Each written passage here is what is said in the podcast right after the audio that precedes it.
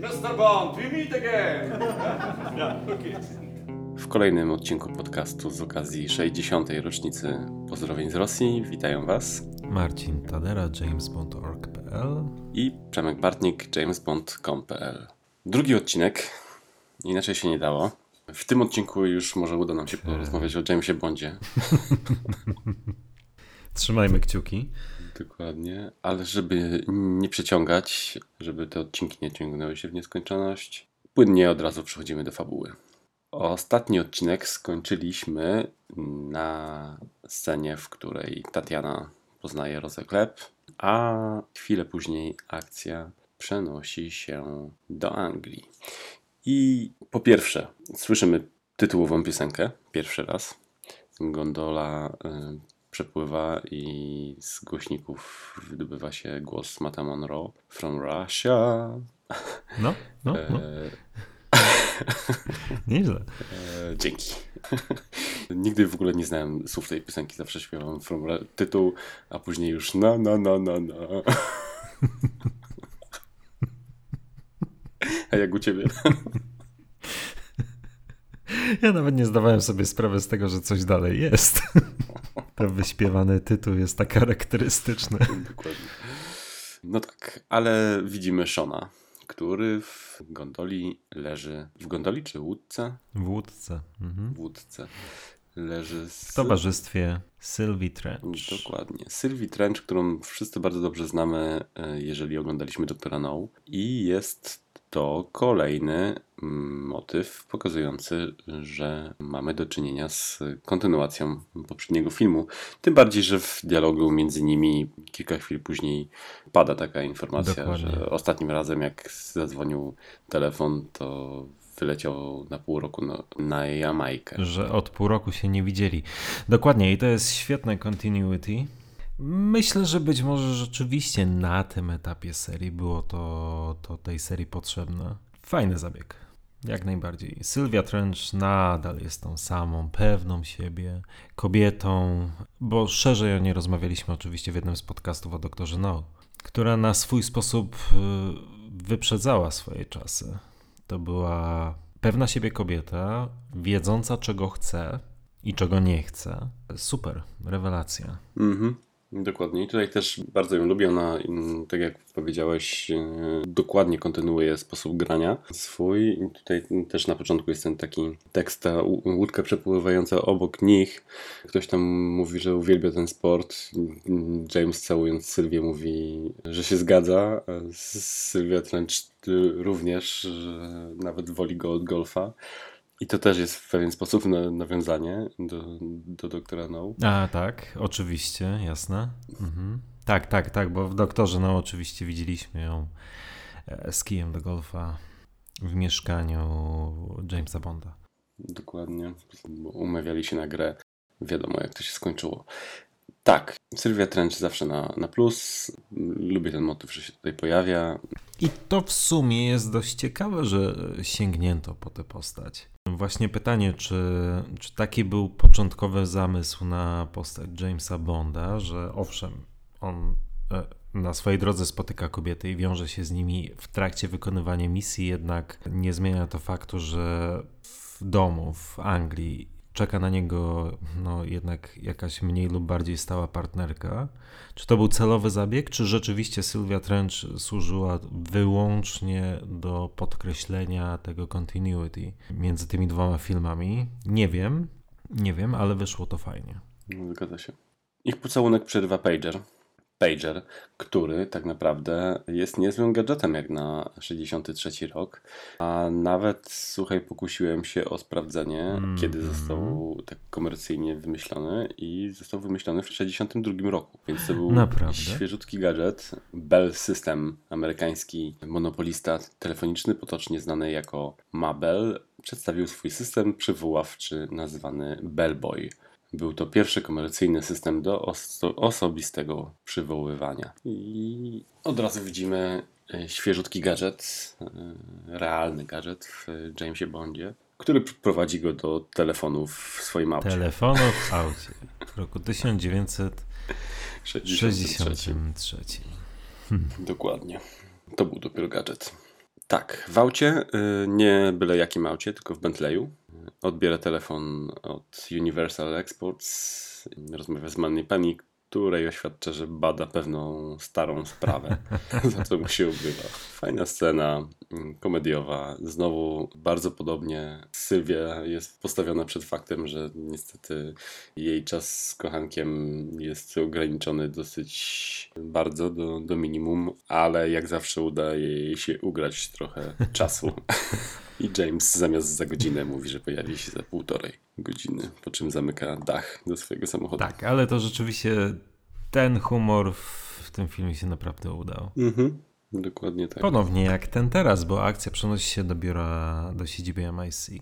Bond wkracza do, do biura Moneypenny, rzuca kapeluszem, rzuca jakimś tam tekstem, nie wiedząc, że w pomieszczeniu stoi M, który patrzy na niego takim potępieńczym wzrokiem. Mhm, dokładnie. I w sumie to jest kolejna scena nawiązująca też do poprzedniego filmu, tak? W Doktorze No już rzucał ka- kapeluszem, tutaj ponownie chciał to zrobić, ale okazało się, że to akurat nietrafiony moment na popisy, ale nawiązuje to też do jego takich standardowych nawyków, które już znamy i które omawialiśmy szczegółowo w Doktorze No. W pokoju widzimy też e, kwatermistrza, ale więcej o nim pewnie za, za chwilę. James skruszony lekkim spóźnieniem razem z M wchodzi do jego gabinetu. No i tutaj mamy kolejny element, który będzie już dla tej serii bardzo charakterystyczny, czyli scena odprawy UM, czyli szefa MI6. Jest to zresztą funkcjonowało również u Fleminga.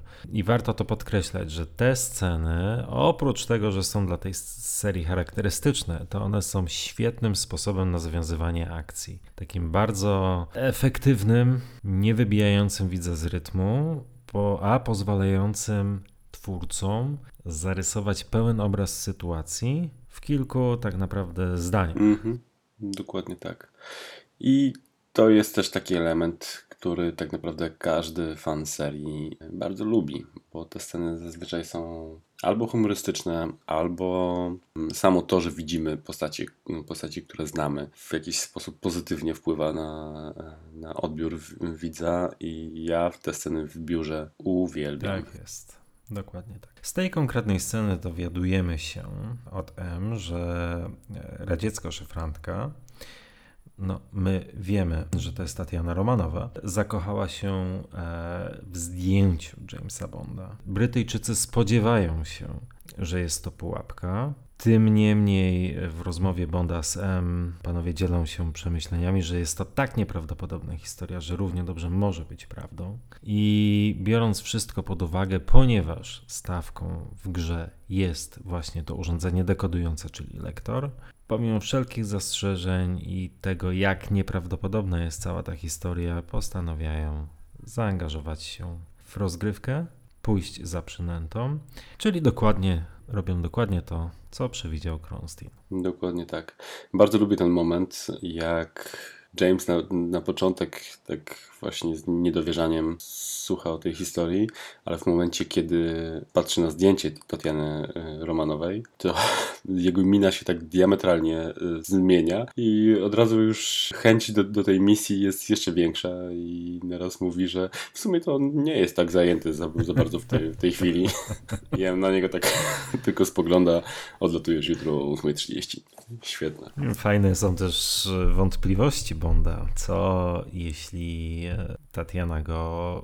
Jak on to ujmuje? Co jeśli nie spełni oczekiwań Tatiany? A na to M rzuca tekstem: postaraj się, żeby nie była rozczarowana. To też jest w sumie ciekawe, bo zazwyczaj M w bondowskiej serii, no to oczywiście jest melodia przyszłości. E, No, ze wzgardą odnosi się do stylu bycia i stylu życia Jamesa Bonda, a tutaj wręcz namawia go do tego, co z reguły ma mu za złe. Mhm.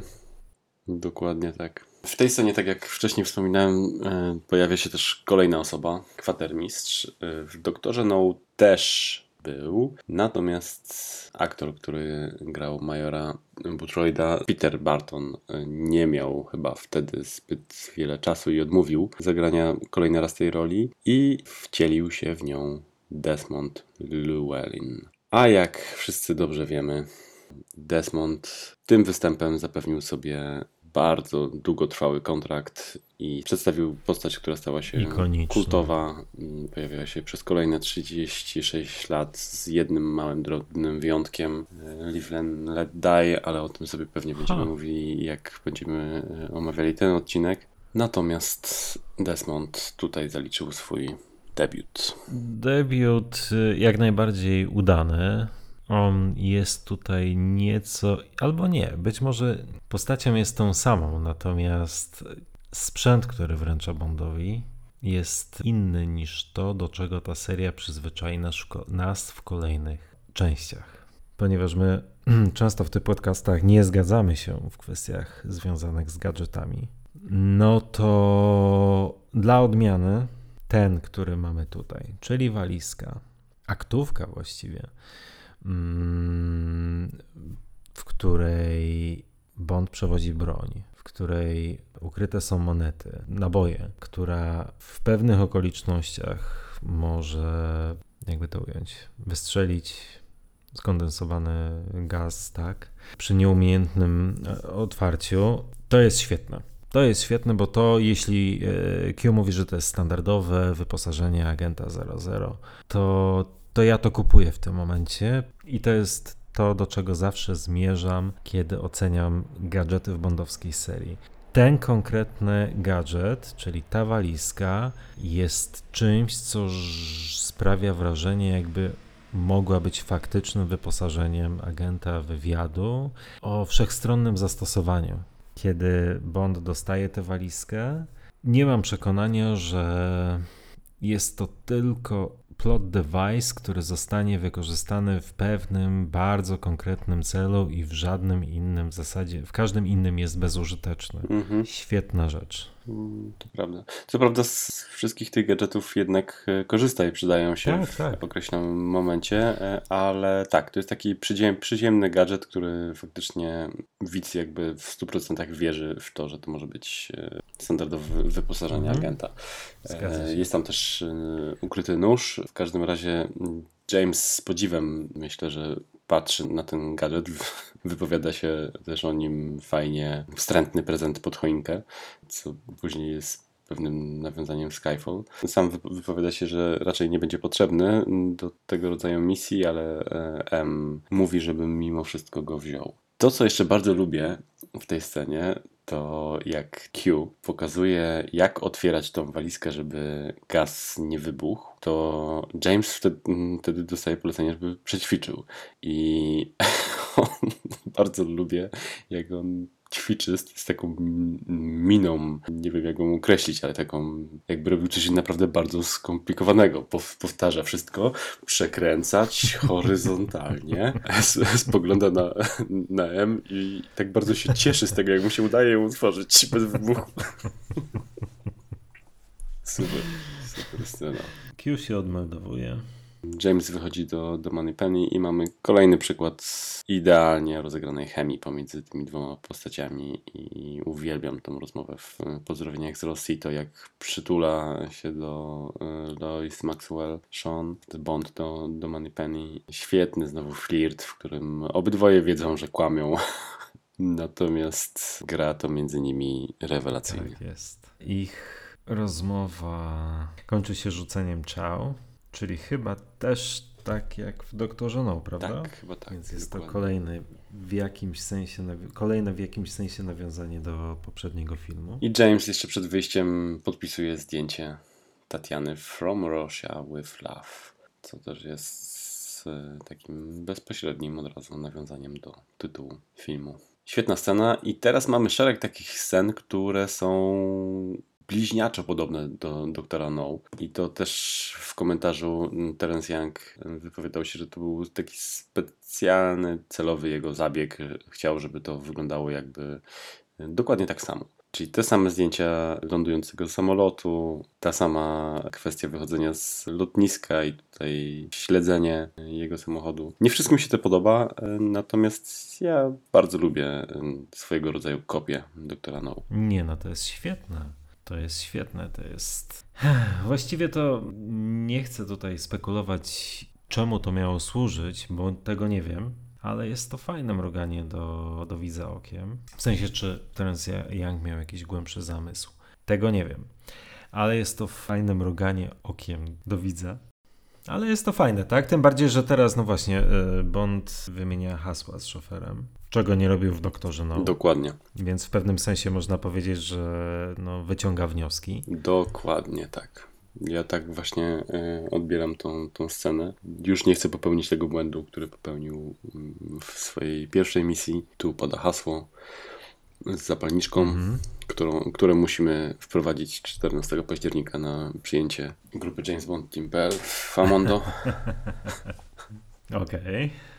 Zanotowano.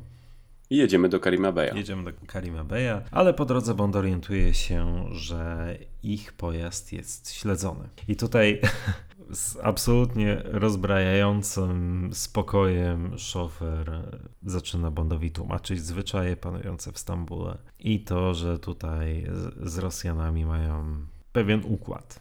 Jedni śledzą drugich i vice versa, ale zasadniczo żadni nie robią sobie, starają się nie wchodzić w sobie nawzajem w paradę i nie robić sobie krzywdy. Mhm.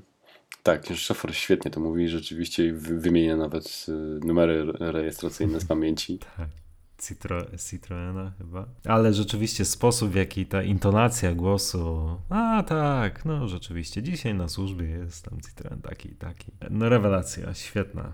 Świetna scena. Mhm, mhm. Tu w międzyczasie też widzimy y, po pierwsze śledzący samochód ich, na który zwraca uwagę James, ale też widzimy Granta, który także ich śledzi, więc już wiemy, że y, plan jak na razie działa dokładnie tak jak chciało Spectre. Dokładnie tak, bo Bond śledzony jest przez Bułgarów, którymi wysługuje się KGB w Stambule. Mhm. Tak, do Karima Beya przechodzimy chyba przez Grand Bazar, prawda? No właśnie tak mi się wydaje, że tak i jest to pierwsze i nie ostatnie wykorzystanie Grand Bazar, Wielkiego Bazaru w bondowskiej serii. A oczywiście kolejne będzie w Skyfall. Dokładnie. No i trafiamy do kryjówki Karima Beya. Pokój opuszcza kobieta, poprawiając sukienkę. Karim, Czyli już coś o Karimie Beju wiemy. tak, który poprawia łóżko. Więc już wiemy, że na pewno się dogada z Jamesem. I tak w istocie jest. Karim Bey okazuje się bardzo likable gościem. Nie może zabraknąć tego słowa. Nie może zabraknąć tego słowa, ale tak jest w rzeczywistości. Wręcz można by powiedzieć, że, że jest on takim wzorcem z Sewr. Postaci, którą lubimy momentalnie. Dokładnie tak. Postaci, która odgrywana jest przez Pedro Armendariza, któremu towarzyszy bardzo smutna historia, y, bo to był jego ostatni film. Tu na planie wyszło, że jest śmiertelnie chory na raka i zostało mu tak naprawdę tylko y, kilka tygodni, a ekipa zachowała się na tyle fajnie, że przestawiła plan zdjęciowy y, tak, żeby i te zdjęcia z Pedrem e, odbyły się jako pierwsze e, i żeby zdążyli je mm, nagrać przed, przed jego śmiercią. To się udało, aczkolwiek nie bez problemów, bo jego zdrowie podupadało z dnia na dzień. W niektórych scenach e, musiał go zastępować dubler. Tym dublerem nawet był Terence Young w pewnym momencie, ale doprowadzili do tego, że jednak e, udało się skończyć wszystkie, wszystkie zdjęcia. Gdzieś też czytałem, że w momencie jak go odprowadzali do, do samochodu, to akurat chyba kończyli tą scenę w obozie cygańskim i zaczął padać deszcz i lał przez 5 dni, więc gdyby nie udało im się nakręcić właśnie przez ten deszcz tej sceny, to może inaczej historia by się po- potoczyła, ale tu wszystko zagrało tak jak powinno. Po powrocie do Wielkiej Brytanii jeszcze zrobili mu imprezę pożegnalną, e, o której pisałem więcej na, na stronie i to też podeślę link do tego artykułu, bo to bardzo, bardzo ciekawa historia, ale mm, Pedro e, Armendaris nie dożył pre- premiery i 9 dni chyba po tej imprezie właśnie e, zastrzelił się w szpitalu. Odebrał sobie życie. Smutna historia. Nawiasem mówiąc, e, wydaje mi się, że zachorował na raka w konsekwencji kręcenia zdjęć do filmu, oczywiście którego tytułu nie pamiętam, natomiast był on kręcony w Stanach Zjednoczonych W Utah. zbyt Mhm. blisko, tak, zbyt blisko miejsca, w którym miały miejsce próbne wybuchy bomby atomowej. Dokładnie tak. To był film Zdobywca. I Mhm. bardzo, ach, zdobywca, i bardzo wiele osób z ekipy tamtego filmu zapadło na różne choroby nowotworowe. Tak jest, w tym John Wayne. Tak, tak, tak, tak. I to rzeczywiście makabra. Makabra, kto wpadł na ten pomysł i tego nie przewidział, ale wykończył na pewno zbyt wielu ludzi. Okropna historia. To, co jest warte podkreślenia y, i to, co fajnie, że się udało, to, że Pedro tak po pierwsze chciał bardzo zagrać w tym filmie, zarówno dlatego, żeby uczestniczyć w tym projekcie, ale też, żeby w jakiś sposób zapewnić byt swojej rodzinie i super fajnie, że całe grono producenckie i Terence Young na to przystali i tak poukładali, żeby to Tak. się udało. I co też jest godne uznania, to to, że pomimo tego, że był na planie zdjęciowym, był już bardzo bliski śmierci, to tego w samym filmie nie widać. I przez cały film jakby jawi się jako, osoba jak najbardziej pozytywna, pełna życia, pełna energii i w ten sposób e, tak naprawdę zostanie zapamiętany. Mhm, dokładnie tak. Dokładnie tak. I zresztą mm, podobno taką właśnie lubianą osobą był też poza planem. To był podobno super fajny, fajny gość. No szkoda. Każdym razie, fajna rozmowa z Jamesem.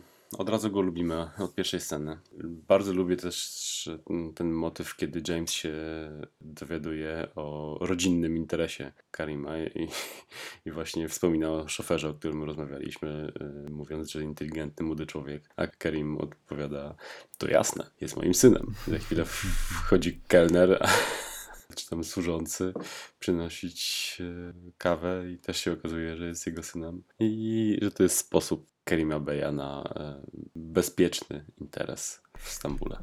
W międzyczasie mimochodem rzucę stwierdzenie, że był wcześniej cyrkowcem, tak? Mhm, mhm, mhm. Tak więc takimi detalami w tym filmie budowano postacie, co jest akurat świetne. Ale koniec końców e, Karim Bey uważa, że cała ta historia jest stratą czasu i radzi Jamesowi Bondowi spędzić kilka fajnych dni w Stambule i wracać do domu.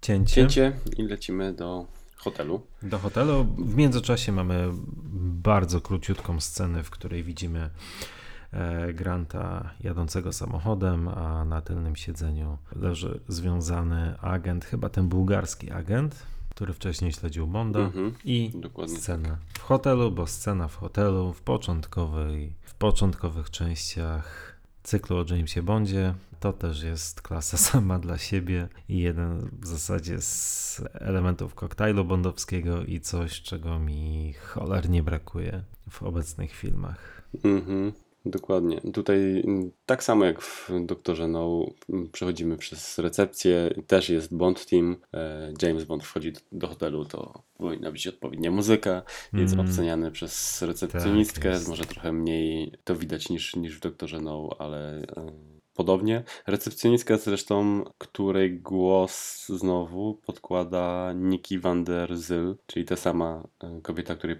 która podkładała głos e, Ursuli Andres. Więc to też taka ciekawostka. No ale James jest zapro- zaprowadzony, zostaje zaprowadzony do pokoju, daje napiwek, przeszukuje pokój, w którym znajduje mnóstwo pluskiew. I to jest właśnie ten moment, o którym mówiłeś, który jest super fajny, e, taki typowy dla agenta pojawiającego się w nowym miejscu. Tak, zaczyna od szukania podsłuchów. No świetne, świetne.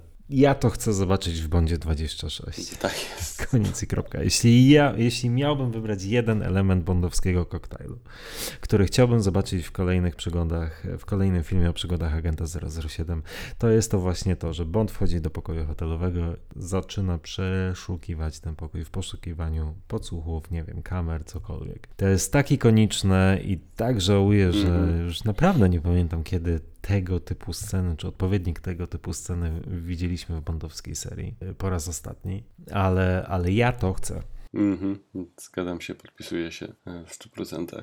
Lubię też, jak tutaj James wykonuje ten telefon na recepcję i on ma tutaj taką pozę, zawsze tą nogę kładzie na krześle czy na łóżku, tutaj w tej scenie już nie, nie pamiętam, zrobi to dwukrotnie w tym filmie, ale bardzo lubię ten jego styl, taki właśnie oparcia się o kolano i rozmowy, świetnie wygląda, świetne są zdjęcia z, z tego, krążą po, po internecie. Wygląda świetnie, bo ma też rewelacyjny garnitur.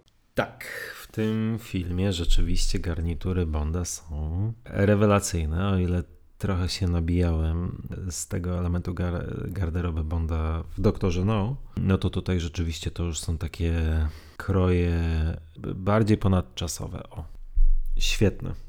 Mhm. Tak naprawdę takie, do których w, moda wróciła w ostatnich latach. Zwężone nogawki, świetne marynarki, krawaty, rewelacyjnie. Tu wygląda rewelacyjnie, tak samo świetnie wyglądał w tej scenie, kiedy przyszedł do, do M i tam miał tutaj ten taki granito, granatowy garnitur. Super. Tak jest.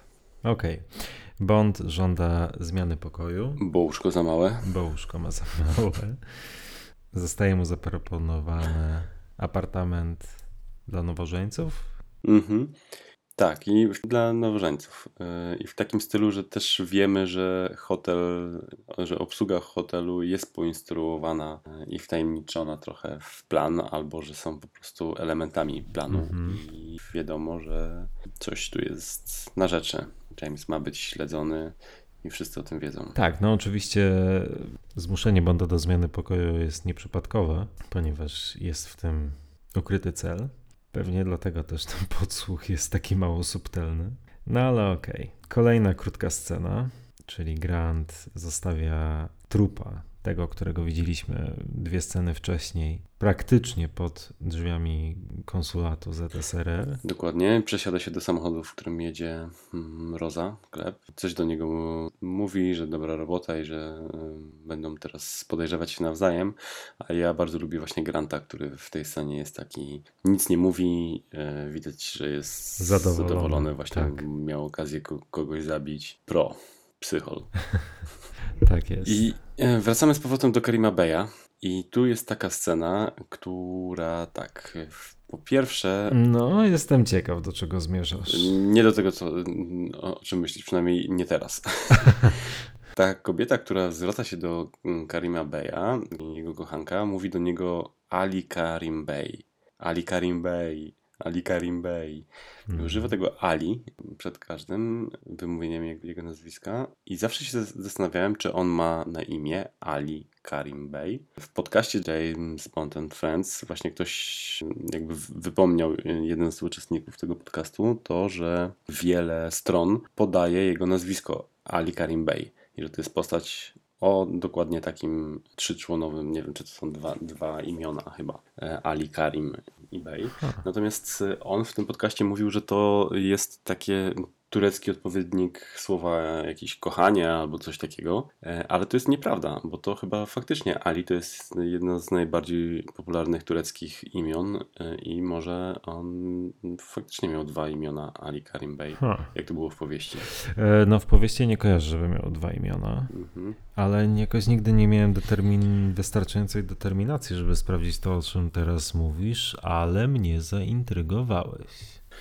W każdym razie bardzo lubię, jak, e, jak ta kochanka do niego się tak e, właśnie zwraca i próbuje przyciągnąć go do, do tego łóżka. Tym bardziej, że Kerim tak tutaj bardzo usilnie chce pracować, ale w końcu nie może wytrzymać tego nawoływania i mówi, no dobrze, Marudzenie. obowiązek wzywa. Synów w Stambule musi być więcej. Praca później, tak. I następuje wybuch. A w następnej scenie wchodzi już James, któremu Karim opowiada. Nie, ale zanim wchodzi Bond, no to oczywiście kluczowa w tej scenie jest to, że e, wybucha bomba mm-hmm. w gabinecie Karim Bey. Lubię, jak ta kamera się trzęsie, imitując tak. dziwne światła, tak. Spoko to jest. E, no i Karim Bey zostaje tak naprawdę uratowany przez swoją kochankę, o czym w fajny sposób mówi Jamesowi. Akurat postanowiłem odpocząć na kanapie. i że to, że to dziewczyna go uratowała. No tak, no i w, i w tym fajnym dialogu przenosimy się za chwilę do podziemi, do cysterny bazyliki. No, ten dialog jest, jeśli dobrze go zapamiętałem, delikatnie szowinistyczny. Mhm. Ale okej, Bo co on tam mówi? że dziewczyna nie wytrzymała, czy jak nie, to tam było? nie zapisałem.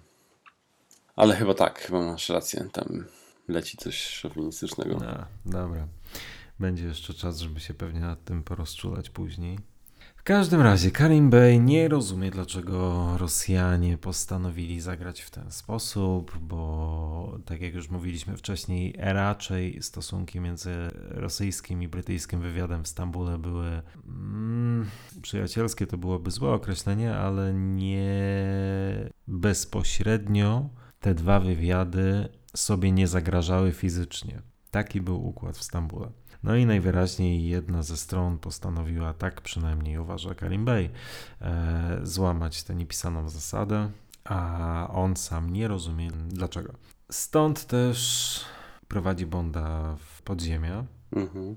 Ta cysterna bazyliki to taki podziemny zbiornik wodny zbudowany dla bizantyjskiego cesarza w 532 roku.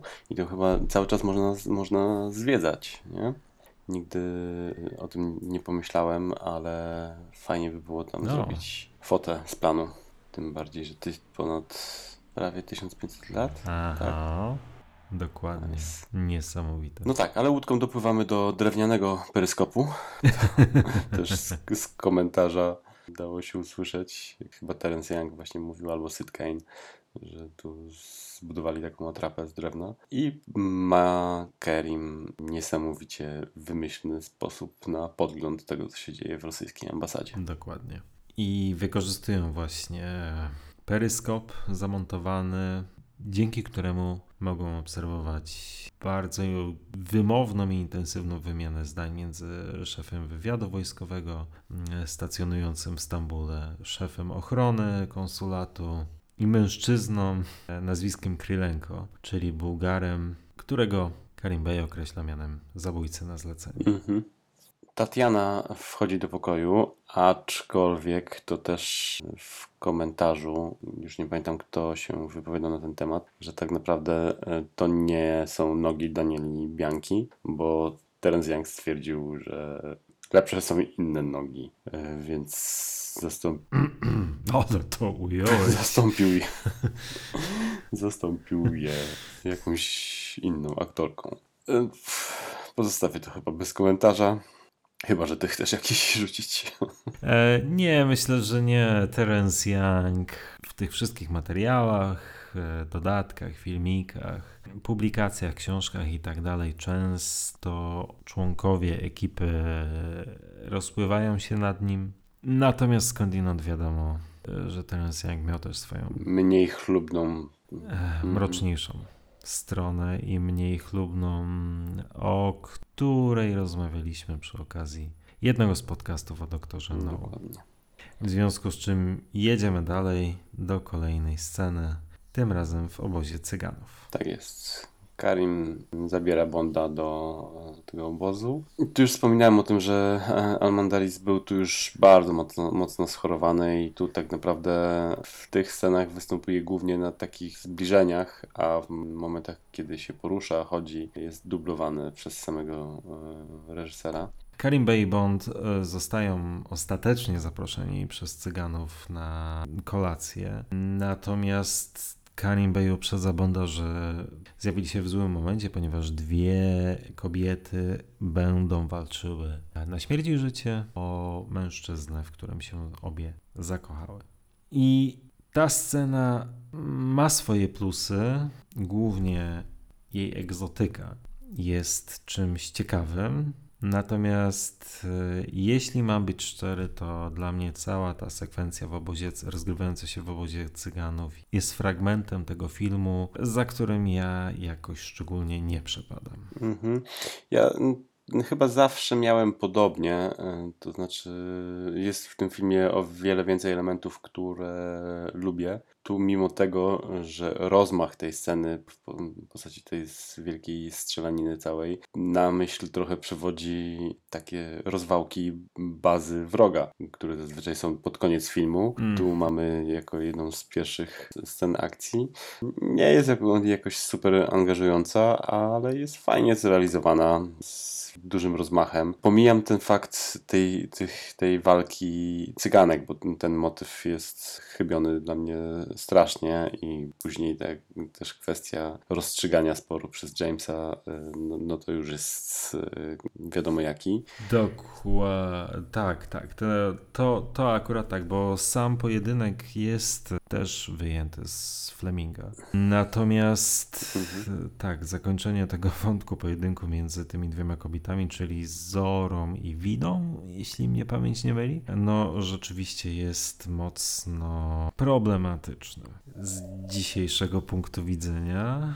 Natomiast tak, zgodzę się z Tobą w tym, że w tej scenie widać rozmach inscenizacyjny mm -hmm. rozmach, zwłaszcza jeśli chodzi o fajną scenografię. Bardzo dużo się dzieje. Kiedy już Bułgarzy zaatakują e, ten obóz, mnóstwo efektów pirotechnicznych, mnóstwo postaci, cały czas coś na ekranie się dzieje. Ale też jest, są te sceny konfrontacji trochę nieporadnie nakręcone. Tutaj już aktorstwo tych postaci trzecioplanowych w zasadzie no jest bardzo takie sobie. Thank you, thank you. sposób e, nakręcenia kręcenia tych strzelanin, tego, tego strzelania z biodra, z bioder, tych bardzo takich hiper nadekspresyjnych scen śmierci mnie momentami te sceny już bawią, ale no, w sposób oczywiście niezamierzony mm -hmm. przez twórców. Tak więc ja, jeśli chodzi o scenę w obozie cygańskim, jestem na nie. No nie, nie. Nie. Ja jako od samego też początku, jako młody chłopak, też momentalnie za każdym razem zwracam uwagę na to, jak Karim Bey tam obrywa i w momencie, kiedy zostaje postrzelony, to Pedro Amandalis tak bardzo szybko rozsmarowuje sobie farbę na, na ręce. I zawsze mi to strasznie śmieszyło, jak nie mogli trochę jakoś inaczej zmontować te, tej sceny, tak żeby to było trochę mniej widoczne. To jest takie małe niedociągnięcie. To nie jest nawet takie małe niedociągnięcie. Po prostu te sceny są nieporadnie nakręcone nieporadnie i nie wytrzymały próby czasu, bo, bo tak jak już mówiłem, tak jakby to wszystko poszło na żywioł. W zasadzie, nie wiem, na jednym ujęciu. Dobra, nieważne jak coś się z tego sklei, jedziemy dalej. No, oczywiście no, nie mam zielonego pojęcia, czy tak właśnie to wyglądało, ale, ale no, poczucie sztuczności, tej teatralności, ale takiej złej pojętej teatralności, nadekspresji, no nie, nie, nie. Mhm.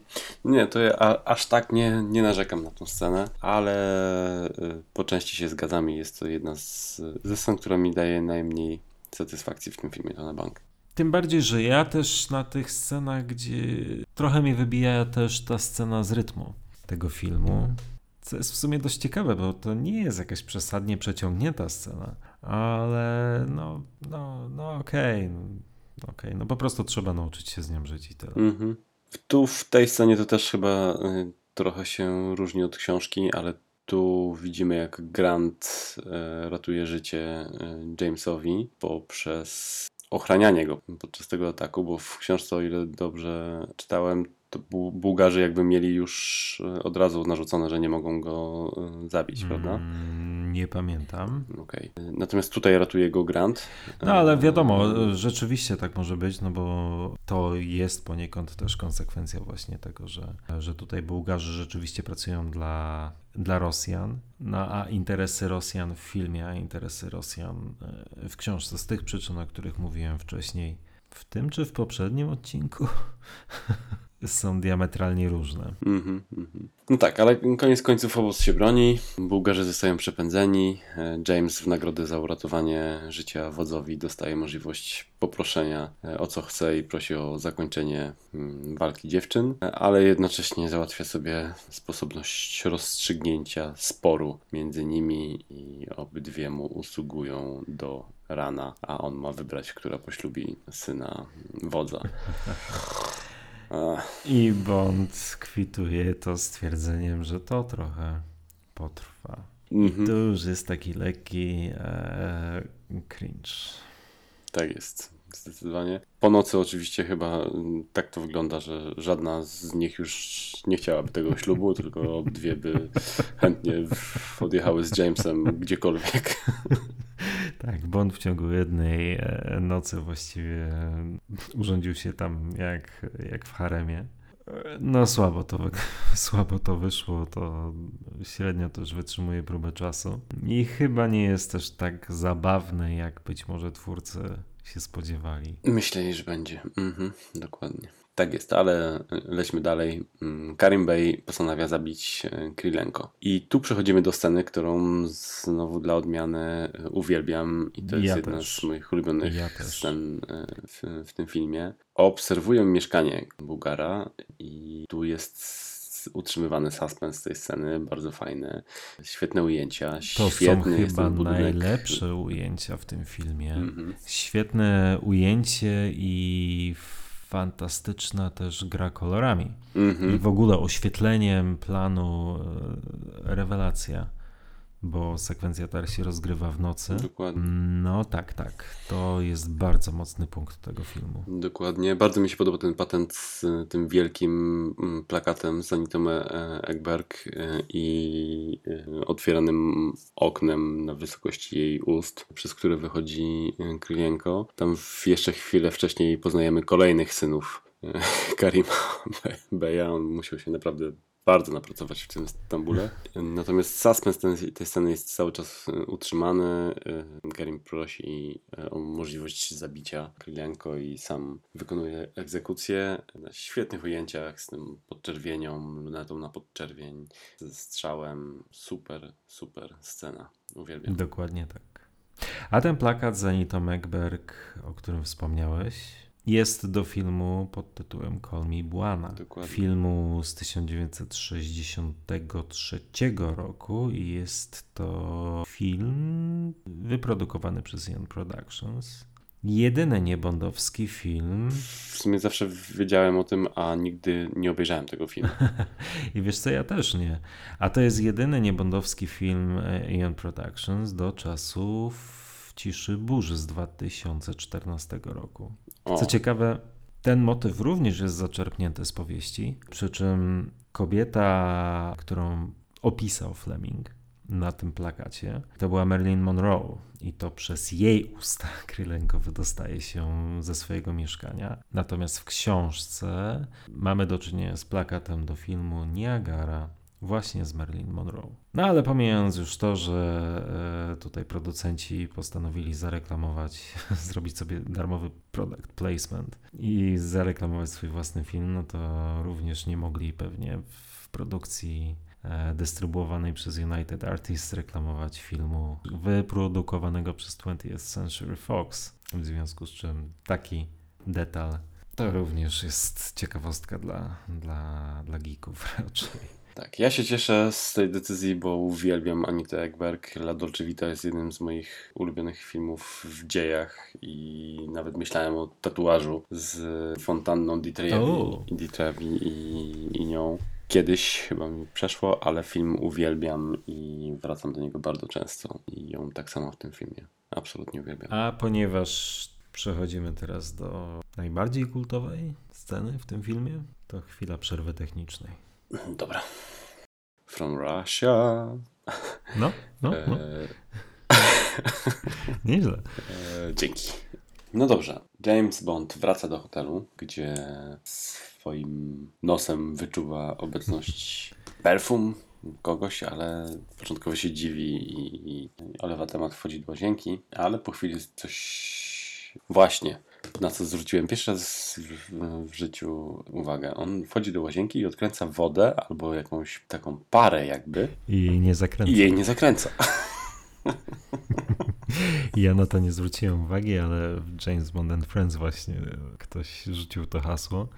Tak, tak jak słyszałem. Jakiś powódź albo sauna w całym mieszkaniu, a James kręci film. Tak, y, James y, orientuje się, że nie jest sam y, w mieszkaniu. Mamy. Po, nie, w pokoju hotelowym. W pokoju hotelowym, dokładnie. Mamy krótką scenę, w której widzimy nagą Tatianę przebiegającą do łóżka. No patrz, nie pamiętam tego. Chyba nagą. W każdym razie Małżeńskie łoże, które jest w hotelu pokojowym, już wiadomo do czego ma się przydać, to w nim tak naprawdę następuje zapoznanie się Jamesa z e, Tatianą. Przedstawiają się sobie jak gdyby nigdy nic. Podanie ręki. James jest zafascynowany tak szybkim e, obrotem sprawy, jak mi się e, wydaje. Tu jest też to. Ale tam jest też bez, Mhm. mhm. Mów, mów, mów.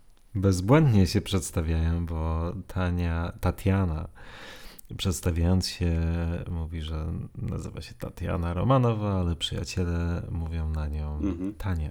A na to 007 odpowiada moi przyjaciele mówią do mnie James Bond. To zawsze tak rozbraja. My friends call me James Bond. True. Mistrzostwo. Tak, no ale James stara się nie rozczarować pragnącego kobiety i w końcu dokładnie takie polecenie dostał od samego M. Próbuje wyciągnąć jakieś tam info o lektorze, no ale cóż, obowiązki najpierw.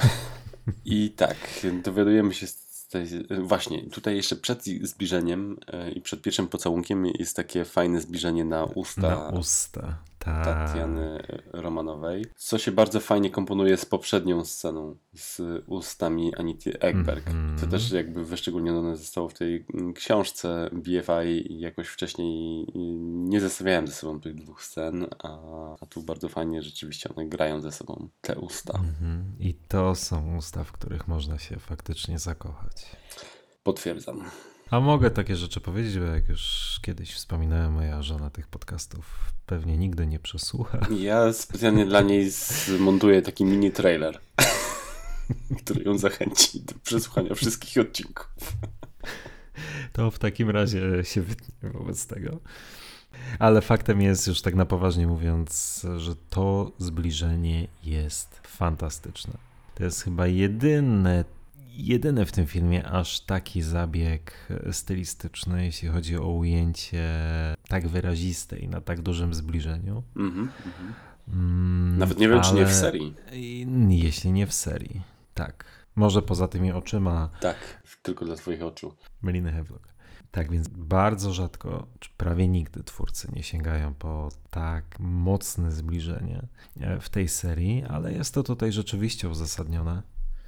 Chociażby tym, o czym wspomniałeś przed chwilą. Mhm, tak. No i tym ustom zdecydowanie nie może się oprzeć James. Nie może. A za szybą okazuje się, że za lustrem to jest weneckie lustro, a z drugiej strony stoi Rosa Klep i operator kamery i kręcą film. Tak jest. A woda w łazience się leje. Ale czy Bond powinien, czy mógł to przewidzieć? Czy przewidział, a mimo wszystko podjął grę? No nie rozstrzygniemy tego. Natomiast kultowość tej sceny podkreśla również to, to też zapewne wszyscy wiedzą, ale nie sposób o tym nie wspomnieć, że do dziś przyszli odtwórcy roli 007 w trakcie zdjęć próbnych muszą odegrać tę właśnie scenę. Mhm, dokładnie tak. Ona jest odrobinę zmieniona chyba, nie? Bo tam Bond zawsze jakoś puka do, do tych drzwi i ta scena dialogowa trochę inaczej chyba wygląda w, tych próbach, ale sprowadza się do... Nieprzypadkowo zapewne ta scena jest wybrana, ponieważ odtwórcy, przyszli odtwórcy e, roli Jamesa Bonda mogą tutaj naprawdę pokazać cały wachlarz swoich umiejętności i prezencji również, no bo to umówmy się, nie jest bez znaczenia, bo tutaj zarówno muszą stanąć przed kamerami półnacy, uzbrojeni muszą odegrać scenę e, miłosną w sposób przekonujący. Tak więc cały wachlarz swoich możliwości i umiejętności muszą w tej jednej, krótkiej, banalnej, wydawać by się mogło scenie e, zaprezentować. Tak więc ja osobiście absolutnie nie dziwię się temu, że ze wszystkich scen to ta jedna zawsze musi być rozegrana. Mhm. Tym bardziej, że ten dialog jest całkiem fajny między nimi. Ten dialog jest całkiem fajny, tak. Mhm. Tak jest. Dowiadujemy się tutaj też, że Tatiana wie wszystko o Jamesie, wie jak, gdzie ma blizny, czytała jego akta. James pyta, ma nadzieję, że nie jest zawiedziona, ale Tatiana odpowiada, odpowiada że powie mu rano. Tak jest. O Rozie Klep i operatorze aparatu już wspominałem. Przechodzimy teraz do kolejnej sceny, tym razem w meczecie. Świetne ujęcia. Jest tutaj jedno z takich pierwszych y, ujęć, które bardzo mi się podoba. Kamera jest tak trochę jakby na podłodze. Filmuje całe te sklepienia meczetu razem z Jamesem w śmiesznych okularach i znowu w fajnym garniturze. No właśnie, Bond w okularach przeciwsłonecznych w sumie też jest rzadkością. Skoro już sięgamy po tak ekstremalne ciekawostki dla geeków. No dobra, to liczymy. No dobra, u Daniela Craiga to pewnie w każdym filmie. Mhm. Thunderball na pewno. Thunderball na pewno i to istotna scena. No Brosnan w The World is Not Enough. Tak, ale to w scenie e, narciarskiej. Mhm. I w The World is Not Enough jeszcze w tej scenie, gdzie miał rentgen w okularach, nie? Ona też tam... A tak, okej. W Sewilli. W Bilbao, przepraszam. Mhm. Dalton chyba faktycznie nie chodził w okularach. I Umura. Roger Moore w okularach przeciwsłonecznych. Roger Moore miał na pewno w, e, w View to A a View to a Kill.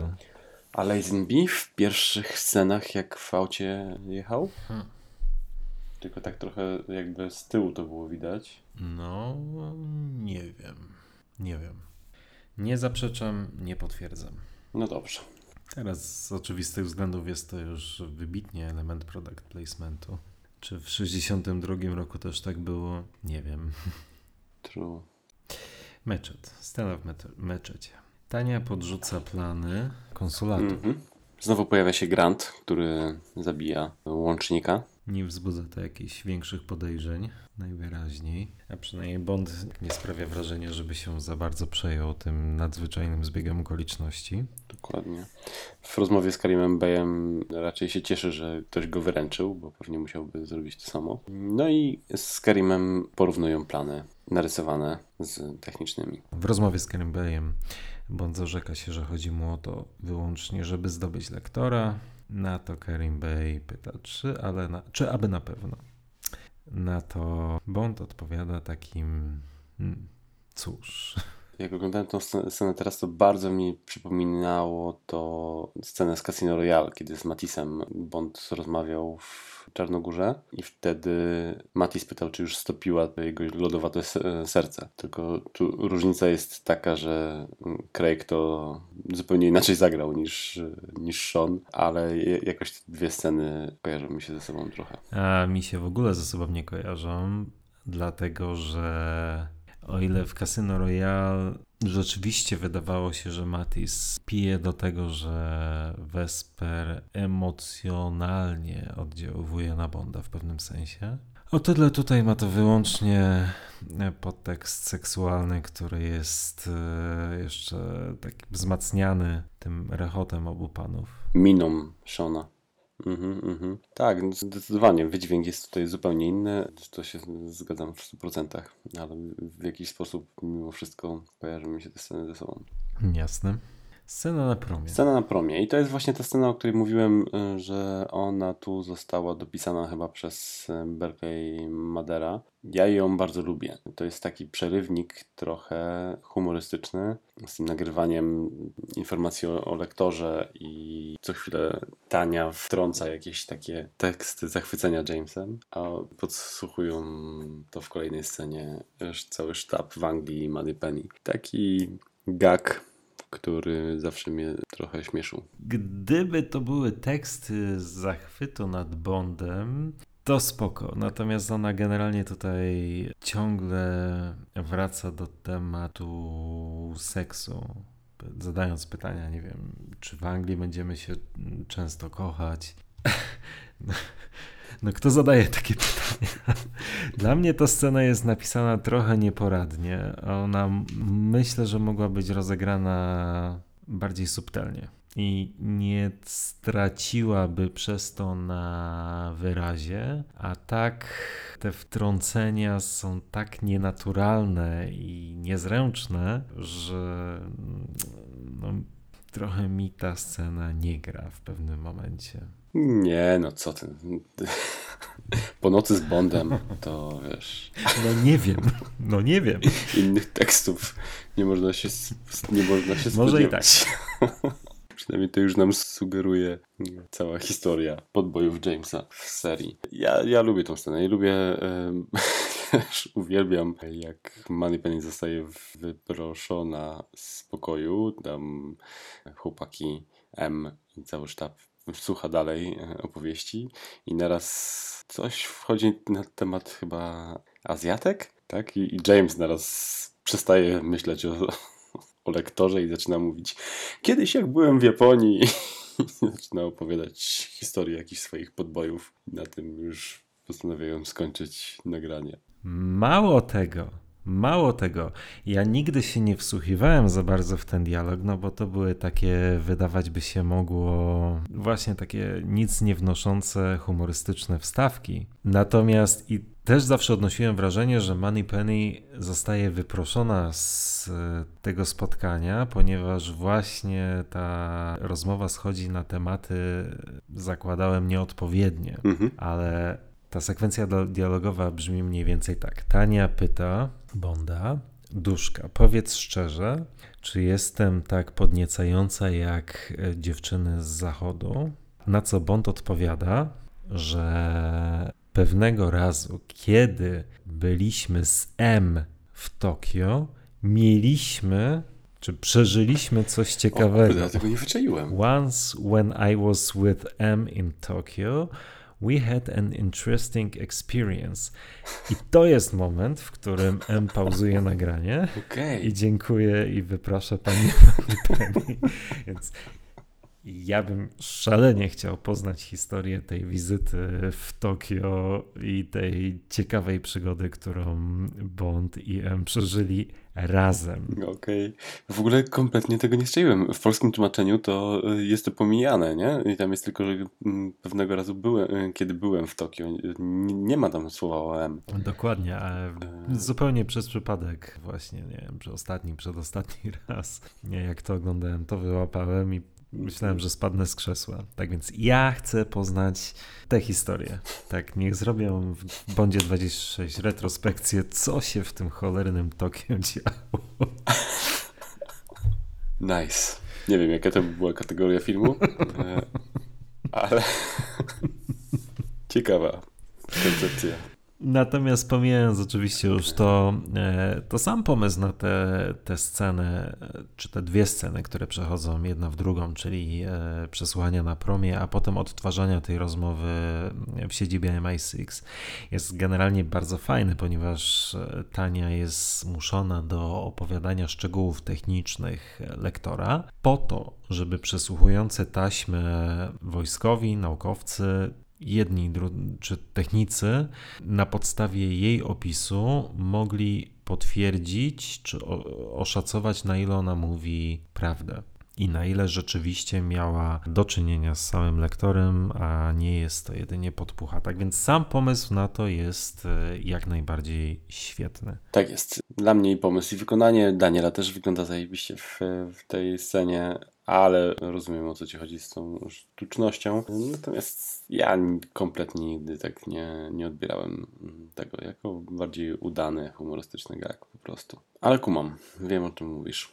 Karim Bey, Depesza ustalają datę, w której mają ukraść lektora. Towar zdaje się być prawdziwy i że ma kontynuować i dobić targu.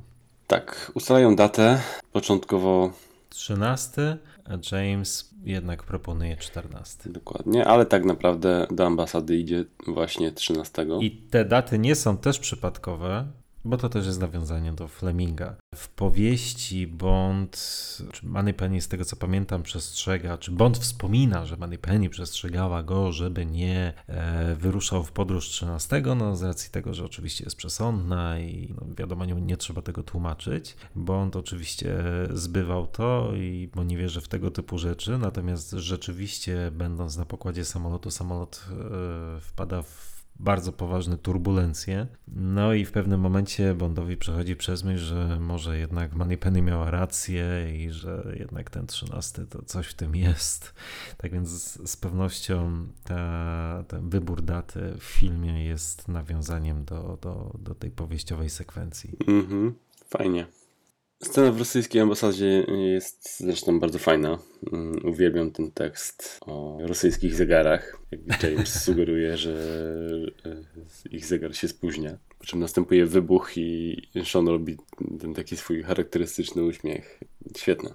Podczas zamieszania spowodowanego wybuchem kradną lektora i razem z Tatianą uciekają w stronę stacji. Pod ziemiami zresztą, tak? Pod ziemiami, w otoczeniu szczurów. Szczury Mhm. również były u Fleminga, więc pojawiają się tam nieprzypadkowo.